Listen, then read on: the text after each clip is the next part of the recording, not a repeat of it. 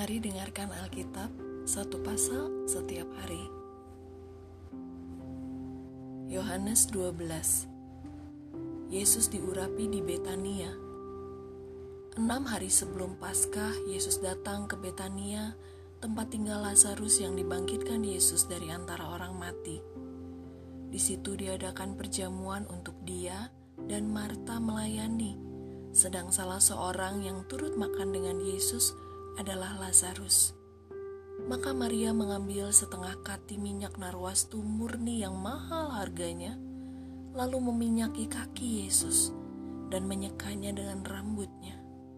Dan bau minyak semerbak ke seluruh rumah itu.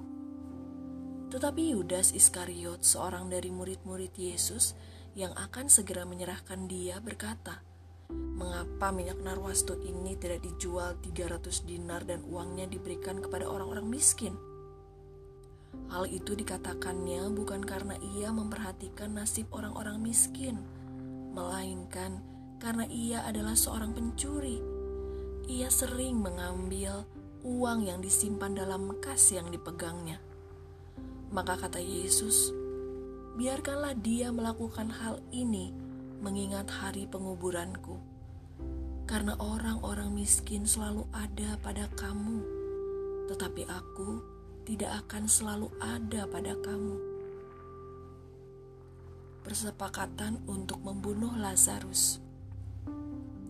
Sejumlah besar orang Yahudi mendengar bahwa Yesus ada di sana, dan mereka datang bukan hanya karena Yesus, melainkan juga untuk melihat Lazarus yang telah dibangkitkannya dari antara orang mati.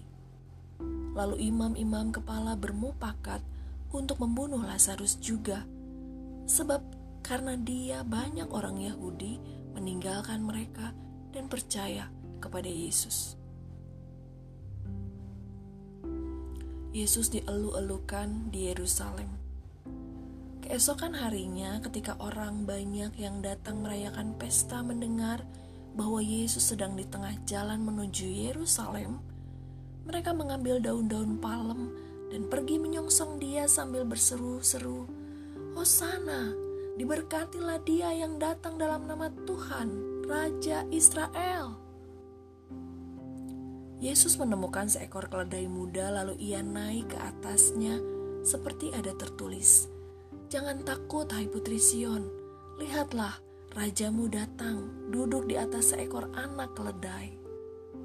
Mula-mula murid-murid Yesus tidak mengerti akan hal itu.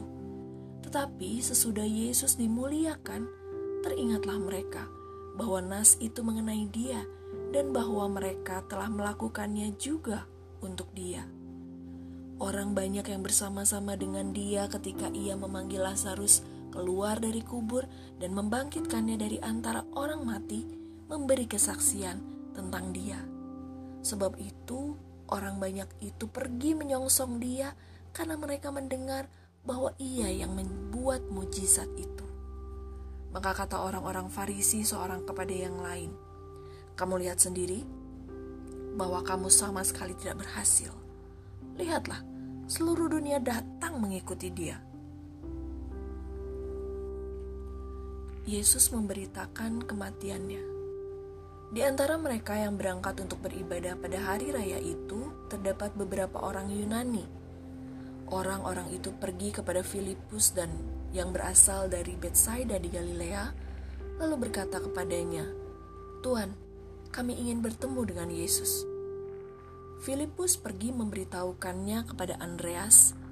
Andreas dan Filipus menyampaikannya pula kepada Yesus. Tetapi Yesus menjawab mereka katanya, telah tiba saatnya anak manusia dimuliakan.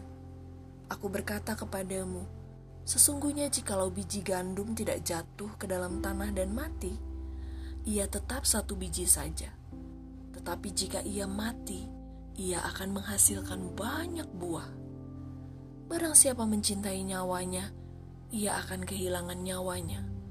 Tetapi barang siapa tidak mencintai nyawanya di dunia ini, ia akan memeliharanya untuk hidup yang kekal. Barang siapa melayani aku, ia harus mengikuti aku, dan di mana aku berada, di situ pun pelayanku akan berada. Barang siapa melayani aku, ia akan dihormati Bapa. Sekarang jiwaku terharu, dan apakah yang akan kukatakan? Bapa, selamatkanlah aku dari saat ini. Tidak, sebab untuk itulah aku datang ke dalam saat ini. Bapa, muliakanlah namamu. Maka terdengarlah suara dari sorga. Aku telah memuliakannya dan aku akan memuliakannya lagi. Orang banyak yang berdiri di situ dan mendengarkannya berkata bahwa itu bunyi guntur. Ada pula yang berkata, seorang malaikat telah berbicara dengan dia. Jawab Yesus, suara itu telah terdengar bukan oleh karena aku, melainkan oleh karena kamu. Sekarang berlangsung penghakiman atas dunia ini. Sekarang juga penguasa dunia ini akan dilemparkan keluar. Dan aku, apabila aku ditinggikan dari bumi, aku akan menarik semua orang datang kepadaku. Ini dikatakannya untuk menyatakan bagaimana caranya ia akan mati. Lalu jawab orang banyak itu, "Kami telah mendengar dari hukum Taurat bahwa Mesias tetap hidup selama-lamanya. Bagaimana mungkin engkau mengatakan bahwa anak manusia harus ditinggikan. Siapakah anak manusia itu? Kata Yesus kepada mereka, "Hanya sedikit waktu lagi terang ada di antara kamu. Selama terang itu ada padamu, percayalah kepadanya, supaya kegelapan jangan menguasai kamu. Barang siapa berjalan dalam kegelapan, ia tidak tahu ke mana ia pergi." Percayalah kepada terang itu selama terang itu ada padamu, supaya kamu menjadi anak-anak terang.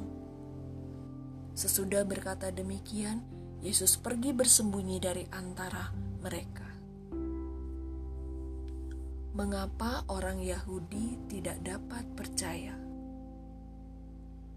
Dan meskipun Yesus mengadakan begitu banyak mujizat di depan mata mereka, namun mereka tidak percaya kepadanya.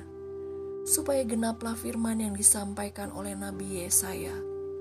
Tuhan, siapakah yang percaya kepada pemberitaan kami? Dan kepada siapakah tangan kekuasaan Tuhan dinyatakan? Karena itu mereka tidak dapat percaya sebab Yesaya telah berkata juga, Ia telah membutakan mata dan mendegilkan hati mereka supaya mereka jangan melihat dengan mata dan menanggap dengan hati, lalu berbalik sehingga aku menyembuhkan mereka. Hal itu dikatakan oleh Yesaya karena ia telah melihat kemuliaannya dan telah berkata-kata tentang dia. Namun banyak juga di antara pemimpin yang percaya kepadanya, tetapi oleh karena orang-orang Farisi mereka tidak mengakuinya berterus terang, supaya mereka jangan dikucilkan. Sebab mereka lebih suka akan kehormatan manusia daripada kehormatan Allah. Firman Yesus yang menghakimi. Tetapi Yesus berseru katanya, Barang siapa percaya kepadaku, ia bukan percaya kepadaku, tetapi kepada dia yang telah mengutus aku. Dan barang siapa melihat aku, ia melihat dia yang telah mengutus aku.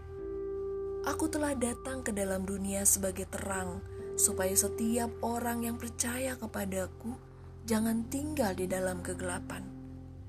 Dan jikalau seorang mendengar perkataanku tetapi tidak melakukannya, aku tidak menjadi hakimnya sebab aku datang bukan untuk menghakimi dunia, melainkan untuk menyelamatkannya. Barang siapa menolak aku dan tidak menerima perkataanku, ia sudah ada hakimnya, yaitu firman yang telah kukatakan. Itulah yang akan menjadi hakimnya pada akhir zaman.